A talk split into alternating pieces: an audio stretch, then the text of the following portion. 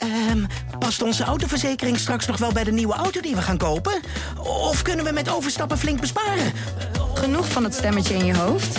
Even Independeren. Daar word je altijd wijzer van. Vergelijk nu en bespaar. Welkom bij Independer. Ik lees de Volkskrant omdat kennis van zaken hebben mij geruststelt. En ik mij daardoor sterker in mijn schoenen voel staan. Eigenlijk zou iedereen de Volkskrant moeten lezen. Gun jezelf ook de Volkskrant. Ga meteen naar volkskrant.nl slash nu. En lees de krant tot wel acht weken voor maar 4 euro. Stopt vanzelf volgens de actievoorwaarden. Een wereldwijde pandemie en een opwarmende aarde. Wat hebben die twee in hemelsnaam met elkaar te maken? Dit is Ondertussen in de Kosmos, de podcast van de wetenschapsredactie van de Volkskrant. Mijn naam is Tony Mudde, chef van die wetenschapsredactie. En ik zit hier met twee collega's, twee wetenschapsredacteuren, Maartje Bakker en Maarten Keulemans, die allebei veel schrijven over klimaat en duurzaamheid.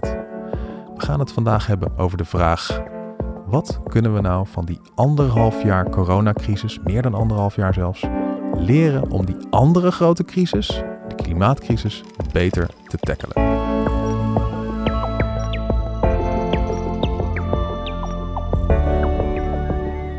Maarten, de vaste luisteraars zullen denken: Maarten Keulemans, dat is toch die man die al anderhalf jaar lang alleen maar met corona bezig is. wat weet hij eigenlijk van het klimaat? Ja. Dus v- vertel eens even, wat deed jij eigenlijk voor corona? Nou, ik, ik deed eh, sowieso heel veel diverse dingen voor de wetenschapsredactie. En, en klimaat is daarin wel altijd een heel erg terugkerend eh, thema geweest. Echt al sinds de jaren negentig zo'n beetje eh, dat ik eh, over klimaat eh, schrijf. Ja. Dus echt, het is ook al goed. Ja, het is wel leuk. Ik kan me dat ook echt nog wel herinneren. Die begintijd toen niemand nog wist van klimaatverandering. Verandert het klimaat dan? Is iets aan de hand? En toen was ik daar al eh, ja, eigenlijk eh, heel veel voor aan het schrijven. Ik heb een tijdje bij de VPRO gewerkt, bij VPRO Noorderlicht. eh, Dat was toen een wetenschapsprogramma. Ja. En eh, ja, toen heb ik echt enorm veel over het klimaat geschreven. En dat is leuk, dat geeft je ook wel een goede basis van hoe het allemaal werkt. Gek is ook dat er sindsdien helemaal niet zoveel is veranderd. Want het IPCC-rapport, eh Maartje, ja, het is gewoon toch weer hetzelfde verhaal als altijd, eh, vond je niet? Ja, nou volgens mij was de toon toch wel iets anders. Ik heb natuurlijk niet alle zes rapporten eh, gelezen of van even nabij gezien.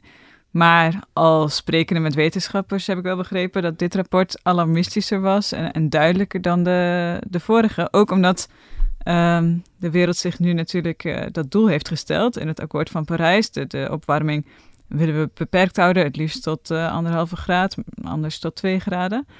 En daardoor eh, begreep ik dat wetenschappers zich ook vrijer voelen om wat mm, klemmender te waarschuwen van eh, ehm, er moet nou wel iets gebeuren en we moeten nu deze en deze acties ondernemen, willen we die doelstellingen Ja. halen. Dus ik heb wel het idee dat er een soort evolutie zit in die, in die ja, rapporten. Ja, ja de hoofdboodschap die, eh, die blijft hetzelfde, dat zie ik ook wel. Ja, de aarde warmt op en de mens is daar. Ja, precies, precies. Dat is het over. Ik ben het met je eens over, hoor. Dat het inderdaad gewoon. Ja, het is nu. Wat was het nou? Een equivocal of zo? eh, dat eh, de, de mens Ja. de aarde opwarmt. Dat heeft Een de- equivocal? Ja, dus Ja. eh, onomstotelijk. Ja, dat is nu een Ja. beetje het, eh, het verhaal. Dus de woordkeuze is telkens een beetje anders. Maar ja, Ja, het verhaal precies. van, joh, er Ja. is zoiets als opwarming van de aarde. En dat komt door broeikasgassen. Dat is een boodschap die al zes rapporten lang eh, meegaat, hoor. Ja, maar is, dat, is, dat is dus wel steeds, de woordkeuze wat je zegt, dat is inderdaad steeds veranderd. En ik begreep dat als eerst waarschijnlijk en toen zeer waarschijnlijk en toen ontzettend Extreem waarschijnlijk. extreem waarschijnlijk. nou ja, en toen Ja. virtually certain. Nou ja, nu dan, ja, er gaat steeds een schepje bovenop. Ja, nu ja, en ja. een equivocal. Ja. Ja, precies. Nou ja, in ieder geval klimaat. En ja, toen kwam dus het coronavirus. En ben ik over het cor- coronavirus gaan eh, schrijven. Mhm. En eh, dat is natuurlijk wel, eh, dat heeft mij de afgelopen anderhalf jaar eh, met ja, toch een beetje kromme tenen heb ik dat zitten doen. Van jeetje mina, er zijn nogal meer dingen ter wereld. Zoals klimaat, wat ook nog gewoon doorgaat. En hoe kwam je om het idee om, eh, dus eigenlijk twee van de onderwerpen waar je veel over schrijft, dat je dacht zo van, nou, ik zie daar gewoon parallellen tussen. Want je hebt al maandenlang liep je rond met dit idee van, ik wil iets met corona en het klimaat. ik weet dat nog vrij scherp, dat was een beetje zo aan het einde van de eerste lockdown. Mhm. Toen viel me op, toen had je echt twee kampen begonnen te ontstaan. Je zag aan de ene kant zag je eh, mensen die eh, eh, corona ontkenden. Het virus bestaat helemaal niet. Het is maar een griepje. Allemaal onzin. Niets aan de hand. Mensen doorlopen. Ja, Ik dacht, joh, dat, dat lijkt wel, dat lijkt wel, dat lijkt sprekend op de klimaatontkenners. Ja. En sterker nog, dat zijn ook vaak dezelfde mensen. Het zijn vaak mensen die in de ja, politiek aan de, helemaal aan de rechterkant van het spectrum zitten. Mhm. Hoek Thierry Baudet, Forum voor Democratie, zeg maar. En eh, ja, die er niks van moeten hebben. Eh, mijn wereld verandert veel te veel als we nu gaan erkennen dat, eh, dat we de economie helemaal anders moeten inrichten. Ja. Dus dat is een beetje dat vond ik dat. En aan de andere kant vond ik ook heel opvallend de activisten aan de meer aan de linkerkant van het politiek spectrum. Mhm. Daar zag je mensen die begonnen heel erg te roepen: ja, de overheid moet keihard ingrijpen. We moeten iets doen. We moeten nu corona aanpakken. En corona moet helemaal weg. Waarom, waarom loopt die overheid de kantjes ervan af? Ja. En dat is dus een geluid wat ik heel erg herken van de klimaatactivisten. Ja. Dus ik had ineens, ja, dat was best wel een soort aha-erlevenis van, joh, verrek. Dit gaat gewoon, dit zijn gewoon tegenstellingen die heel diep ideologisch erin zitten. Aan de ene kant heb je mensen die zeggen van, joh, we moeten vrijheid hebben. We moeten niet een overheid hebben die zich ermee bemoeit. We moeten nu leven. We moeten niet uh, voor elkaar zorgen en de hele maatschappij inrichten. Dat we op alle zwakke en kwetsbaren gaan letten. En op de toekomstige generaties gaan letten. Dat is één manier van denken. Mhm. En aan de andere kant heb je die manier van denken van joh, wij moeten uh, collectief we zijn collectief verantwoordelijk. We moeten uh, zorgen voor elkaar. We moeten zorgen voor elkaar als het om gaat om corona. We moeten zorgen voor elkaar als het gaat om de toekomst, om het klimaat. Die gedachte, dat is, dat is echt, ik vond het best wel een uh, interessant inzicht. Dus toen dacht ik van, nou weet je wat, als het een beetje wat rustiger wordt, dan ga ik echt eens een keertje, ik ga eens wat mensen spreken hierover. Ja. Zie jij ook nog meer parallellen tussen de coronacrisis en de klimaatcrisis, Maartje? Ja, inhoudelijk natuurlijk denk ik dat er een parallel is. In de zin van, er zijn veel mensen gestorven aan uh, de coronacrisis, tijdens de coronacrisis. En dat is in de klimaatcrisis eigenlijk niet anders. Als je kijkt uh, dat er mensen omkomen door bosbranden of overstromingen of, of wat dan ook. Ja. Het kan ontzettend verwoestend zijn en uh, ingrijpend. Ja, dat is denk ik de grote overeenkomst, dat het grote bedreigingen grote zijn. bedreigingen voor de mensheid en hoe ga je daar als internationale gemeenschap op instellen. Er wordt ook wel eens gezegd dat de, uh, de klimaatcrisis de coronacrisis in slow motion is. Weet Ja. je wel? Zo'n virus, Ja. dat is natuurlijk gewoon binnen een paar weken uh, raast dat de hele wereld over. Ja. Uh, en er klinken dan al heel lang waarschuwingen van wetenschappers van jongens, dat gaat een keer gebeuren. Ja. Uh, zorg dat we onze manier van leven veranderen, zodat zo'n virus niet zo makkelijk kan overslaan van dier op mens. Zorg dat we een vroeg waarschuwingssysteem hebben. Ja. Uh, en klimaatopwarming is natuurlijk ook iets waar wetenschappers, nou we hadden het net over die IPCC-rapporten, gewoon al decennia lang voor waarschuwen. Ja. Ja. Uh, is, is dat ook een parallel? Zo van, er wordt al decennia lang gewaarschuwd en iedereen zit een beetje nerveus af te wachten van, oh god, gaan we ons hier wel goed op voorbereiden? Ja, weet je, ik heb mijn artikel heb ik in een aantal lessen heb ik geformuleerd. Mhm. en, en eigenlijk is dat de eerste les. Uh, pas als het kalf verdrinkt, dempen we de put. Ja. Uh, dat is iets wat, je, wat, wat heel erg opvallend is. Marion Koopmans, die heb ik onder meer gesproken. Dat is ook iemand die al, al, al jarenlang loopt zij te roepen van jongens, er komt een pandemie. Uh, dat zou best wel eens een uh, coronavirus kunnen zijn. Die luchtwegvirussen zijn het meest gevaarlijk. Het kan ook griep zijn. Er komt een keer een pandemie en dan zijn we allemaal de klos. En oppassen, laten we daar nou eens rekening mee houden. Laten we ons nu alvast voorbereiden. En nou ja, ze legde mij ook uit van, ja, ze werd daar natuurlijk ook een beetje horendol van. Ze heeft uh, jaren geprobeerd om dit op de agenda te krijgen. Ja. En ja, op een gegeven moment is er een pandemie en is iedereen ineens van, huh, virussen? Pandemie? Wat, wat, is dat? Uh, wat, wat is een pandemie eigenlijk? Ja, ja, ja. Je ziet er helemaal verrast. En dat is natuurlijk wel heel, uh, heel opvallend. En dat is ook echt een parallel met het klimaat. Ja, klimaat, we zitten allemaal van jongens, dit gaat een keer echt, dit is aan het misgaan. Ja. Heel langzaam gaat het, stapje voor stapje. En ja, uh, zoals een, nou, een citaat van Marion Koopmans. Ik heb het artikel hier bij me liggen, ik zal haar even citeren. Ze zei het heel mooi. Ze zei van ja, je ziet het aankomen en toch lukt het maar niet om het op de politieke agenda's te krijgen die worden gevoed door de waan van de dag. Het is te ver weg en te vaag. Dat is inderdaad. Maar is er ook niet een heel groot uh, verschil, Maarten, gewoon in tijdschaal? Uh, ja, als er een pandemie is, dan kan het heel snel gaan, waarin besmettingen uh, zich razendsnel over de wereld verspreiden. Het virus gaat heel erg snel over de wereld. Ik vraag me wel af of dat moment ooit komt met het klimaat. Dat is toch een proces wat heel langzaam gaat, over decennia. Wat, um, waar ook schommelingen in zijn. Het ene jaar is warmer dan het andere. Dan weer valt te veel regen, dan weer weinig. En ja. Ik dus vraag dat me je nooit af, die urgentie voelt, bedoel je? Dat bedoel ik, ja. Ja, dat is- ik vraag is- me af of dat moment gaat komen, omdat de, dus de tijdspanne waarover de ontwikkelingen zich afspelen gewoon anders is. En ja. eh, het moment waarop we beseften dat corona iets serieus was, was toch wel toen in Italië en in China eh, de ziekenhuizen vol begonnen te liggen en het tekort kwam aan, aan medische materialen en mensen begonnen te sterven. ja. Ik weet niet of, of dat moment in de klimaatcrisis ooit komt. Ja, ik ben het helemaal met je eens overigens. Dat is, inderdaad, dat is inderdaad een heel groot probleem. Die klimaatcrisis gaat druppeltje voor druppeltje, rampje voor rampje. En, en wat je ook ziet, dat, dat is ook een constatering in mijn artikel, van, de, van in mijn artikel van de mensen die ik heb gesproken, is dat, dat mensen dan niet het diepe probleem gaan aanpakken, maar maatschappijen gaan dan eh, ja, eh, pleisters plakken. Ze gaan eh, van, ja, oh, we hebben nu net een overstromingsramp gehad in, het, in Duitsland en in België en in Limburg. Ja, je ziet dan gewoon dat mensen gaan dan dingen verzinnen om de rivieren meer ruimte te geven, daar ter plekke. Zonder dat we echt naar de onderliggende oorzaak gaan kijken. En Marion Koopmans zei dat ook, dat zie je, ook dat is een parallel eigenlijk met corona. Je ziet daar ook dat nu zijn er allemaal plannen, oh we gaan pandemische preparedness gaan we, gaan we verhogen. En wat, wat zijn die initiatieven dan? Dat zijn initiatieven om nou ja, sneller vaccins te kunnen maken.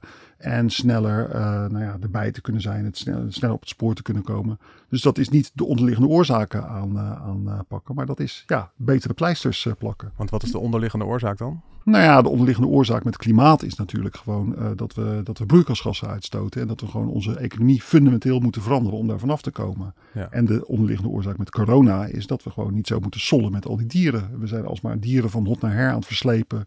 Ja, en als je een of andere vleermuis uit het bos plukt en je, gaat, je zet je tanden erin, ja, dan kan het wel eens gebeuren dat, dat je er ziek van wordt. Ja. En eh, dat is echt, dat is dus de onderliggende oorzaak bij, eh, bij eh, nieuwe virussen. En even wat betreft die, die urgentie. Want hoe, hoe lang geleden, Maartje, was ook alweer dat klimaatakkoord van Parijs? Dat is al Dat die was in landen- 2015. 2015. En, en eh, de afspraken die er sindsdien, die er toen werden gemaakt, liggen we een beetje op koers? Wordt die urgentie gevoeld? Totaal niet? Nou, er is wel iets gebeurd sindsdien. Je, je ziet wel dat steeds meer landen bezig zijn plannen te maken ehm, om de, de uitstoot van broeikasgassen naar beneden te krijgen. Ehm, we liggen daarbij niet eh, op koers. Die plannen, zelfs de plannen zijn al niet voldoende om de doelen uit eh, Parijs te halen.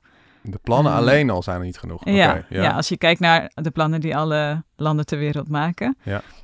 Ja, je ziet wel dat, er, dat de Europese Unie en de Verenigde Staten nu met Joe Biden iets meer voorop lopen. En, en wel vrij stevige doelstellingen hebben voor het eh, reduceren van de CO2-uitstoot. Maar Mhm. nee, ja, we liggen niet op koers. Dat kun je niet eh, zo zeggen. En, en, en bedoel, iedereen die weet nu een beetje wat voor ellende een pandemie kan veroorzaken. Ik bedoel, de hele maatschappij ont, ontwricht, lockdowns, doden, mensen die ziek worden, noem maar op. Maar even om het perspectief te schetsen, als we van dat klimaat een potje blijven maken als wereldgemeenschap, wat komt er dan eigenlijk op ons af? We, nou ja, ik, eh, ik ben Nou. eh, nu onze kleinkinderen. En wat voor wereld Nee, worden die dan dat wakker? is- de, de kleinkinderen worden in een redelijk zelfde wereld als wij wakker, denk ik. Wat, je, Oh. wat je wel ziet is, nou ja, het gaat meer, dat is het moeilijke. Het zijn meer de achterkleinkinderen die echt de problemen krijgen. Als je gewoon kijkt naar, weet je, de, het grote probleem is natuurlijk als de, de grote ijskappen smelten, Groenland, Antarctica. Mhm. En dat, nou ja, dat zal op een gegeven moment, misschien is Groenland al voor een deel dat punt gepasseerd dat die smelt onop, eh, onomstotelijk is geworden. Dat dat gewoon eh, niet meer kan ophouden. Mhm. En dan zul je zien dat ergens in het jaar 2200, 2300, ja, dan bestaat Nederland niet meer. Dan worden we van de kaart geveegd. Een heel duivels dilemma. Van ja, het is eh, de echte, echte hele grote problemen die liggen best wel ver in de toekomst. Nou en tot die tijd Maar toch, natuurlijk Nederland wel. bestaat niet meer in over tw- 250 jaar. Dat vind ik echt wel Ja, je hebt een hele heel groot gedachte. probleem Ja. die, dat heel ver in de toekomst ligt. En in de tussentijd, nou, ja, ik zie Maatje al spartelen. ja, je gaat natuurlijk zeggen, ja, maar de uitgestorven diertjes en de, de nee, nee, ik ga iets anders zeggen. Sorry. nou. maar ik zal maar even mijn punt afmaken. De weg daarheen zie je natuurlijk steeds ergere rampen gebeuren. En steeds grotere misstanden zie je gebeuren. Je zal zien steeds meer woestijning. Je zal zien steeds meer overstroming. Je zal steeds meer weersextremen zien. Eh, dus eh, uitsterven van diersoorten is ook niet eh, te onderschatten trouwens. Dus ja, weet je, die, die rampen die gaan zich steeds meer opstapelen. Worden steeds erger en erger. Ja, wat is nou het moment dat je zegt van genoeg is genoeg? Ja. Ja, Sorry, wat ik wilde zeggen is, ehm, ik denk inderdaad dat je gelijk hebt dat onze kleinkinderen misschien niet al te veel zullen merken. Alleen, ik denk ook dat dat wel ehm, vanuit Nederland gekeken is. Uh, Nederland is een rijk land en kan zich wapenen tegen klimaatverandering. Inderdaad, als, als, als de zeespiegel een paar centimeter stijgt, dan hebben wij geld om hogere dijken te bouwen. Mhm. Maar ik denk um, dat voor veel mensen die in minder rijke landen wonen, op dit moment de klimaatverandering al heel erg voelbaar is. En dat bleek ook uit het laatste IPCC-rapport. Um, er zijn gewoon gebieden op de wereld die droger worden. En als jij niets anders hebt dan je eigen akker om van te eten, um, dan kun je niet zeggen dat de effecten van klimaatverandering iets zijn wat in, in de verre toekomst ligt. Ja. Het ligt voor ons misschien in de verre toekomst. Hoewel je kunt afvragen of uh, migranten niet al sneller naar ons toe zullen komen. Um, en ik denk voor mensen elders op de wereld um, is het iets wat vandaag al heel erg merkbaar is. Ja, ja. Dat, ben ik, dat ben ik met je eens. Daar zit wel iets moeilijks onder. Namelijk die, die mensen in die derde wereldlanden, die mensen in Bangladesh en in Vietnam en zo, die inderdaad last krijgen van, van klimaatverandering. Die hebben eigenlijk wel andere problemen dan klimaatverandering. Als je die mensen zelf vraagt van, joh, wat is nou je probleem? Dan, zeggen ze van, nou, wij, willen, wij willen geen oorlog meer. Wij willen goede zorg. Wij willen, uh, wij willen goed energie. Wij willen goed te eten hebben. Wij willen gewoon bestaanszekerheid. Nou, dat ben ik niet met je eens. Want in een vorig leven was ik uh, correspondent in, in Spanje. Ja. En daar heb ik gesproken met migranten. En, en uh, vorig jaar was er bijvoorbeeld een migratiegolf naar de Canarische eilanden. Daar kwamen dan mensen uit Mali, Senegal, et cetera. En die vertelden gewoon van, ja, vroeger leverde landbouw bij ons veel op. Maar nu niet meer. Het regent niet meer. Um, en dat is voor ons, uh, dat maakt het voor ons noodzakelijk om nu toch de sprong naar Europa te wagen. Ook al weten we dat we erbij kunnen sterven. Maar dat maakte voor mij wel heel erg duidelijk dat het iets is wat nu al heel erg merkbaar Ja, is. ja. Maar zouden die mensen dan niet behoefte hebben aan, laten we zeggen, een winkel waar je producten, producten kan kopen en geld om die producten te kopen? Nou, ik denk dat ze hun eigen producten zouden willen verkopen. Hun eigen tomaten en, en wortels en zo die ze verbouwen. Ja. Maar ja, als ze die niet hebben, dan ja. krijgen ze ook geen inkomsten. En, en, kunnen ze het vergeten om iets in die winkel uh, Ja. te kopen. Ja. Het was ook een van de. Dat brengt ons bij het, het, het, het fenomeen internationale solidariteit. Um, wat hebben we daarvan gezien tijdens deze coronacrisis?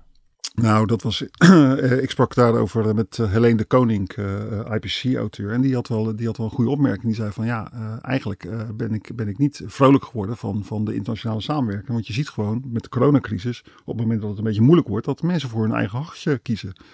en dat heeft ze met name teruggezien in de vaccins. Op het moment dat de vaccins kwamen, dan zie je dat toch ja, weet je, het is strategisch is het handiger om te zeggen van nou, we gaan ze gelijkmatig verdelen over de wereld. Want wij willen niet dat er allemaal nieuwe varianten ontstaan. Uh, je wilt ook niet dat, dat mensen doodgaan. Je wil ze, zo goed mogelijk inzetten. Dus is het eigenlijk handig om op de hele wereld eerst de kwetsbaren te vaccineren. Ja. Maar wat gebeurde er in de praktijk? Ja, de rijke landen gingen ze inkopen. En sterker nog, ze gingen nog meer inkopen voor de zekerheid. En misschien wel voor een derde prik. Engeland heeft een hele hoop doses uh, ingekocht voor ja, de derde prik. Die ze helemaal niet eens gaan geven nu. Ja. dus, uh, dus ja, het, is, het, is wel, uh, het, het stemt wel, wel somber dat op, als puntje bij paaltje komt en het een beetje moeilijk wordt. Dan gaan die rijke westerse landen, die, zeggen, die steken hun dikke middelvinger op naar, naar die, die migranten van jouw maatje. En die zeggen van wij kiezen voor onszelf. Maar dat is wel echt een hele sombere les, toch? Dat is een hele sombere les, ja. ja. En was er ook nog iemand die daar iets positiever tegenaan keek? Van when the shit hits the fan gaan we misschien nou, toch dat de, de sterke schouders, de minder sterke schouders gaan helpen? Jawel, nou kijk, weet je, Marion Koopmans bijvoorbeeld, die zei van ja, de andere kant van de medaille is wel dat we gewoon in ieder geval als wetenschappers internationaal heel erg goed hebben samengewerkt en heel snel hebben gezorgd dat we een vaccin uh, op uh, poten hebben ge gekregen en vaccins beschikbaar hebben gekregen. Die dan worden gemaakt in India bij het Serum Institute en zo. Dus dat is wel degelijk ook een voorbeeld van internationale samenwerking. Hmm. Dat zie je natuurlijk bij het klimaat net zo. Uh, want deze zomer maakte ik inderdaad een stuk over hoe, hoe het klimaatrapport tot stand komt. En, en al die wetenschappers die zeiden, we vonden het echt een heel bijzonder proces. Waar wetenschappers uit alle hoeken van de wereld bij elkaar komen. En er ook heel veel aandacht is voor culturele verschillen en respect voor elkaar. En ermee rekening houden dat uh, wij Nederlanders uh, wel ons, uh, ons woordje klaar hebben, maar andere culturen misschien daar anders in zijn.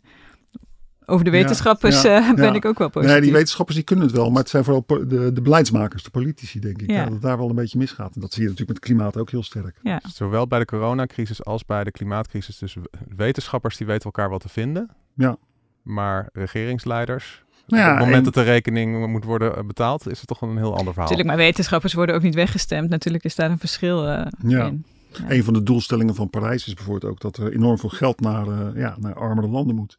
En dat, nou, dat, was, dat is echt een beetje het hete hangijzer. Een van de, van de vele hete hangijzers, maar wel een heel belangrijk hete hangijzer geworden van die, van die, uh, van die overeenkomst. Want het geld is er gewoon niet. Ja. Uh, rijke landen zeggen of ja, uh, hallo, ik ga een beetje geld geven aan Afrika. Donderop. Ja, we hebben hier al woningnood. Ja, dat soort precies, argumenten. Precies.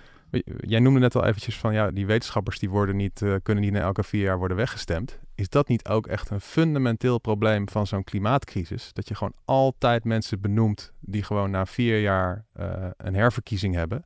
En als die allemaal interessante dingen gaan doen voor waar mensen over twintig jaar van profiteren, dan, dan worden ze gewoon niet herkozen. Want uh, er zitten allemaal mensen zitten te kijken van ja, hoe los je de problemen op die ik nu heb? Is dat niet een soort, ja, dat denk ik fundamenteel wel. probleem waar je gewoon Ja. nooit doorheen komt? Dat denk ik wel, ja. Ik weet Ja. niet of, of ehm, de wetenschappers die jij sprak, Maarten, ideeën had over hoe je inderdaad dat soort lange termijn doelen toch meer gewicht eh, kan geven. Maar ja, d- Ja. het is denk ik inherent inderdaad aan, aan het politieke systeem. ehm, dat korte termijn uitgaven voorgaan op de lange termijn. Ja, ja het, is, het is wel een van de lessen die ik ook eh, te horen kreeg van de wetenschappers. Dat vond ik wel opvallend. Ik had er zelf niet zo aan gedacht. Maar eh, eigenlijk zei iedereen tegen mij van, ja, dit, dit begint gewoon bij leiderschap. Mhm. Bij visie. Bij gewoon, eh, ben je, kun, jij, kun jij staan voor je zaak als, eh, als politiek leider. En ik heb bijvoorbeeld gesproken met Rijntjan Renes. Dat is een, een, ja, een gedragswetenschapper uit Amsterdam.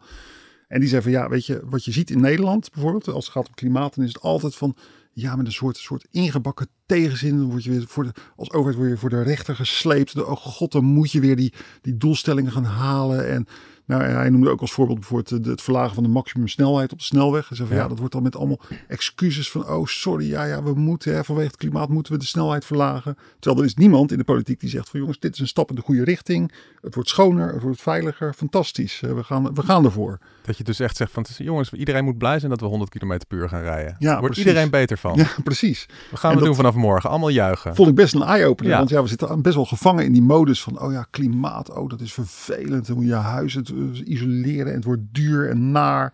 Terwijl ja, eh, een leider, leiderschap vereist eigenlijk dat je gewoon zegt van, joh, eh, kom op, eh, even schouders eronder. We gaan er iets, iets tofs van maken. Helene de Koning, die wees mij bijvoorbeeld op, dat vond ik wel heel grappig. Helene de Koning, help ons even. Wie is Eh, van het? IPCC, eh, die ik, eh, Ja. de IPCC-auteur, Ja. die, die wees mij op onderzoek van, van wat in Science heeft gestaan. Gewoon een berekening van nou, wat zou het nou eigenlijk kosten om tot het jaar 2050 de wereld klimaatneutraal te krijgen. Dus gewoon geen CO2-uitstoot meer. En dat is dus maar 10% van het geld wat we nu uitgeven aan allerlei compensatiefondsen voor, voor de coronacrisis. Dus ja, het is, het is gewoon eigenlijk, als je het zo bekijkt, is het gewoon, het geld is er wel. Ja, maar dat, maar dat, dat is dan inderdaad ook wel een les van het hele argument van ja, het is allemaal zo duur en het moet wel betaalbaar zijn. Dat, dat is dus gewoon echt kul. Ja, ja, dus eigenlijk wel. En Ja. ja. nou ja, laat het twee keer zo duur zijn, dan is het nog steeds maar 20% van, dat, van die fondsen. Ja, want als je dan toch weer een, een parallel zou moeten trekken met de coronacrisis, dan zie je dat daar politici juist wel voorop hebben durven lopen hè, en wel hebben gezegd, eh, ehm, en nu doet iedereen een mondkapje op of nu blijft iedereen thuis en gaat niet meer bij, elke, bij elkaar op bezoek, ook al wil eh, de bevolking dat misschien wel. Ja, Ja. precies, Ehm, precies. Daar zie je inderdaad wel het leiderschap en dan zie je dat ehm, de bereidheid van mensen ook groeit om, om hun eigen gedrag te veranderen. Dat, ik dacht ook even na over, ja, wat zijn nou lessen? Ik, ik denk dat, dat ehm, mensen wisten natuurlijk wel dat het coronavirus eh, gevaarlijk was, maar ze gingen pas echt hun gedrag aanpassen op het moment dat eh, politici zeiden, dat moet. Op precies. het moment dat de overheid eh, regels stelde. Ja, En ik denk ehm, inderdaad dat dat een les zou kunnen zijn. Dat bij het klimaat ook politici zitten te wachten op draagvlak. Maar dat het draagvlak niet vanzelf ontstaat. Maar pas wanneer zij eh, het voortouw daarin nemen. ja. Ja. Ik, ik sprak hierover met, met Aura Thiemen. Dat is die eh, mevrouw van, eh, die wel eens op tv is van het Outbreak Management Team. De, de tweede, de rechterhand van Jaap van Dissel, zeg maar. Ja. Die zei het heel mooi. Die zei van ja, er is altijd sprake van een driehoek. Er is een probleem, er is een oplossing. En de- dan heb je nog het, En er is de als het politiek. leiderschap. En er is de politiek. Ja. En bij corona kwamen die drie die kwamen perfect bij elkaar. En, en dat wil met het klimaat maar niet gebeuren. Dus dat is inderdaad wel heel. de- het probleem is er, de oplossing is er. Iedereen weet het wel, maar dan moet het nog bij elkaar komen. Ja. Via de commitment. En Ja. dat commitment, die, die derde hoek van de driehoek, die, eh, daar wil het niet zo vlotten. Nee. Nog Nou ja, ik snap dat ook wel. Dat het voor veel mensen eh, vervelend is om, om, om meer te gaan betalen voor energie. Of om windmolens in hun buurt te krijgen. Natuurlijk, ja, het is ook niet allemaal zo simpel van... Nou is er een probleem en een oplossing en er zitten geen nadelen aan die oplossing. Nee, en Maar ehm, inderdaad, je kunt, politici kunnen ehm, mensen meer in de buurt van dat probleem eh, houden of meer richting die oplossing Ja, trekken. En ja. dat ben ik met je eens. Daar zouden ze ehm, misschien wat meer moeite voor eh, kunnen doen. Maar eh, nog even samengevatte lessen. We hebben, nou ja, pas als het kalf verdronken is, dempen we de put. Dus we worden pas wakker als er echt een crisis is. Geld genoeg. Ja. Het begint bij leiderschap. Ja. Internationale samenwerking is Forget best, is forget it. Best pittig. Hebben we nog eentje? Tot slot? Ja, ik moet even zoeken bij papiertje. Ja, ik heb een, ik heb een, natuurlijk een hele lijst. Kijk, zo, ik word aan alle kanten. Ja, de, de luisteraars eh, thuis, die eh, ik krijg allemaal papieren naar me toe geschoven nu gelijk. Ja, nou ja, wat ik, wat ik zelf wel een hele interessante les vond ook van, van denk niet, we zijn er wel klaar voor. Dat was ook iets wat, wat vooral de coronabestrijders me zeiden. Je kunt allemaal fantastische plannen bedenken en helemaal voorstellen van zus en zo gaan we het oplossen. Maar ehm, eh, eh, de, het coronavirus bewees dat het in praktijk totaal anders uitpakt. Ja. Marion Koopmans die begon op dit moment een eh, betoog van, van ja, wie had nou verwacht dat wij onze pipetpuntjes waarmee we onze, onze diagnostische test doen, dat die of all places in de wereld uit Wuhan komen. Dat in lockdown was, waardoor je die en dingen in niet lockdown had- was. Dus, zij, dus kreeg. dat, dat zijn echt echt van die problemen. En het grappige was dat dat raakte een snaar bij de klimaatwetenschappers. Want de klimaatwetenschappers die zeggen van ja, wij zien eigenlijk ook dat je, dat je gewoon allerlei hele onverwachte dingen ziet gebeuren in het klimaat. Nu al. Je ziet al eh, de ongelukjes die gebeuren. Die komen vanuit hoeken waar vandaan je ze niet echt verwacht. Ja. Eh, bijvoorbeeld, ja, dan heb je een, een overschrijding van, eh, van, de, van de, de hitterecords. Mhm. En dan is het niet een, ja, weet je wel, een tiende graad hoger of zo. Maar het is gelijk graden hoger. Ja. Dat had niemand verwacht. Eh, dus, dus allemaal dat Ja, soort daar zat ik ook naar te kijken inderdaad. Met, met, die, met die hitterecords in Canada. En ook met die, met die neerslag in Nederland die er is geweest. Als je Ja. dan gewoon kijkt naar die grafieken zo van... Nou, weet je, hoe die temperatuur oploopt in de loop der jaren. Of hoe extreme neerslag steeds meer wordt. Ja, En wat er dan dit jaar is gebeurd. Het is echt alsof je ze naar een, een, een race hebt bij de Olympische Spelen. Waarbij die tijd dan elk jaar een beetje sneller wordt. Maar dan Ja. loopt in iedereen, iemand loopt ineens een seconde sneller op de 100 meter. het is echt een beetje dat gevoel soms. Ja, het, het is zijn, dit zijn freak events, zoals eh, eh, Bart van den Hurk, eh, klimaatwetenschapper die ik ook heb gesproken, het eh, noemde. Mhm.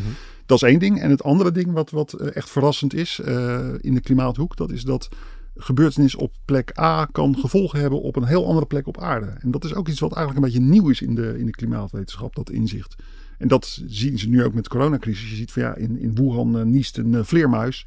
En even later zijn, eh, zijn de pipetpuntjes op bij Marion Koopmans in haar laboratorium. Dat is volkomen maf natuurlijk. Ja. Hè?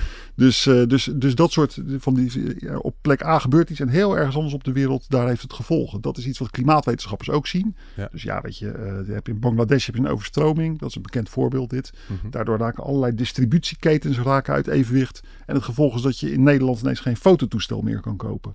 Dus dat soort, eh, dat, dat eh, vinden klimaatwetenschappers ook heel interessant.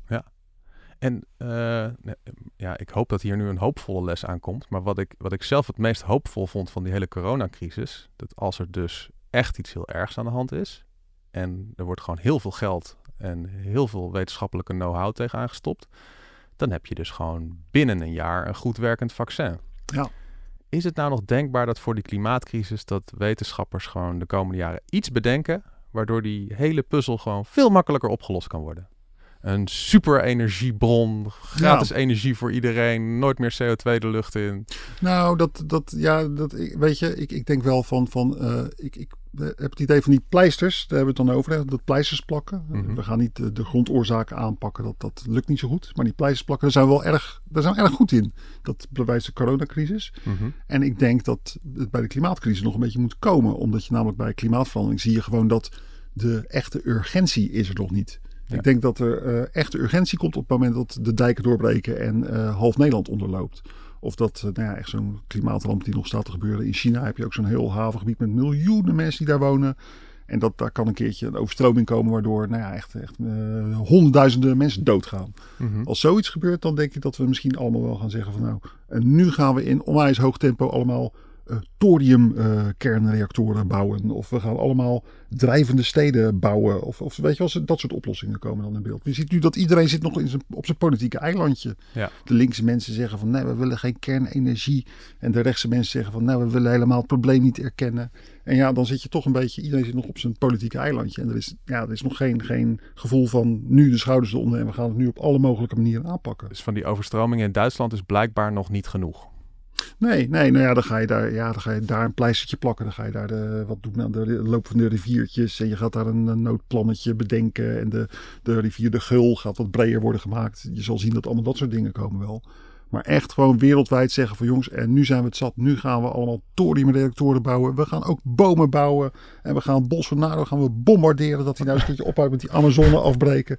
Weet je, dat, dat soort urgentie. Dat soort uh, heftige oplossingen. Dat, je echt, dat, dat mensen echt gaan zeggen. En nu gaan we het aanpakken. Dat die urgentie mist. En daarvoor is dus een ramp nodig. Maar Wat je kijkt jij, heel Maartje? bedenkelijk. Ja. Ja, Zoals altijd. Tony was op zoek naar iets hoopvols, maar ik ben daar toch eh, pessimistischer over. Kijk, als je denkt aan corona, dan...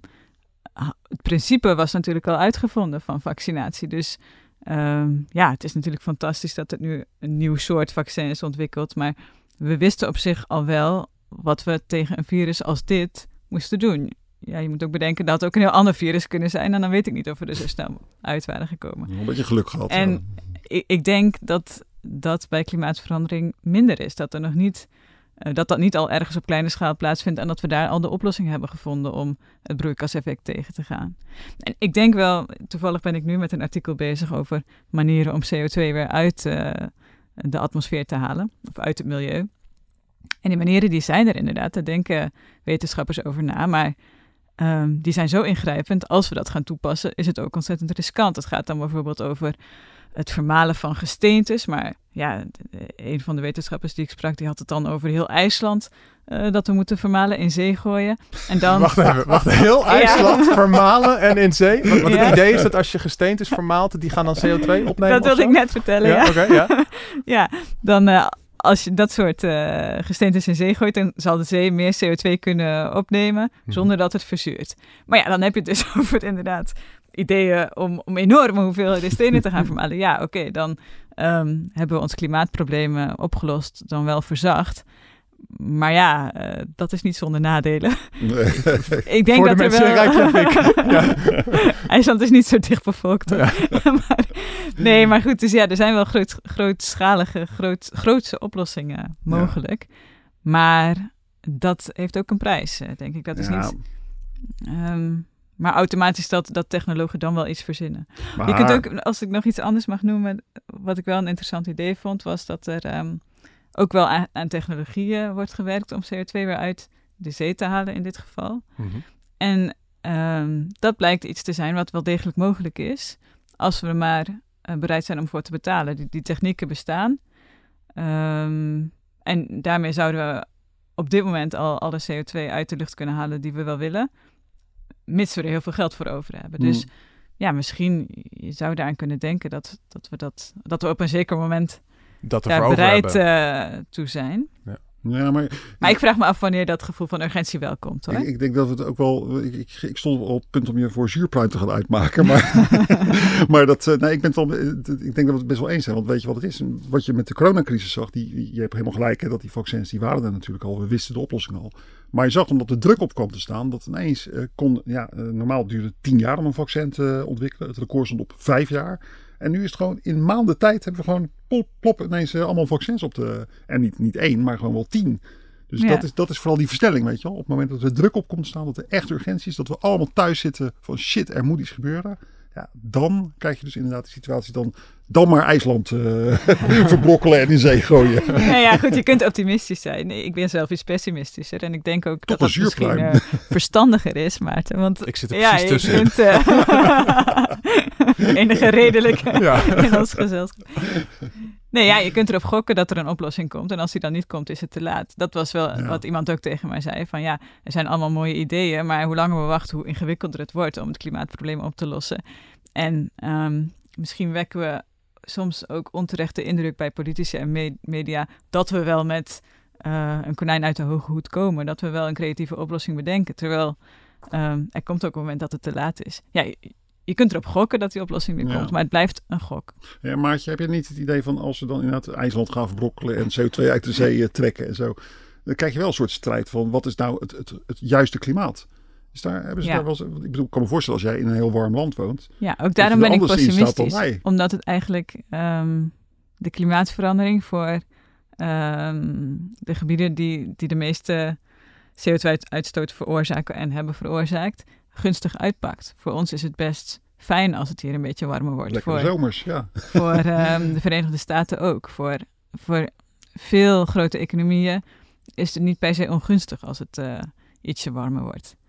Um, ja, terwijl het juist voor de landen die echt geraakt worden door de, door de gevolgen, die hebben weinig bijgedragen aan de, aan de oorzaken.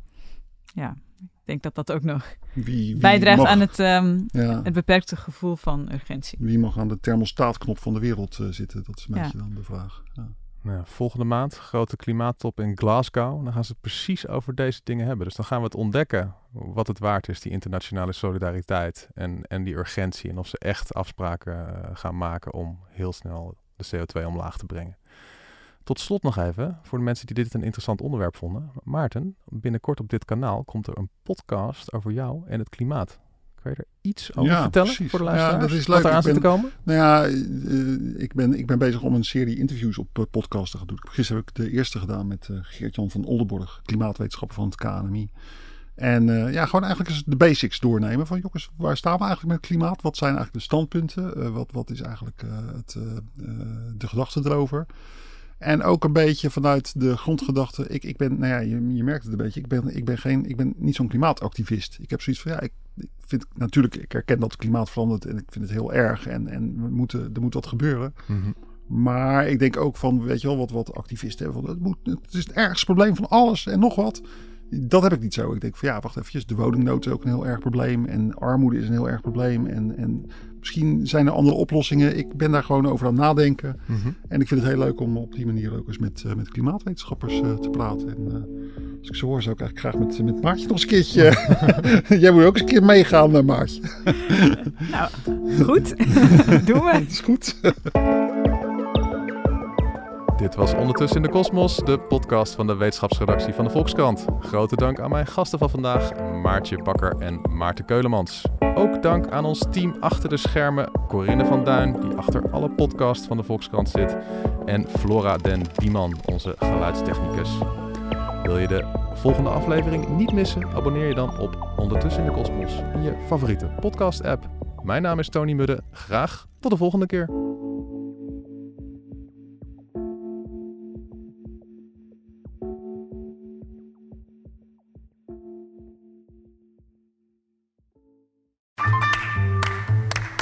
Ik lees de Volkskrant omdat ik altijd alle kanten van een verhaal wil weten.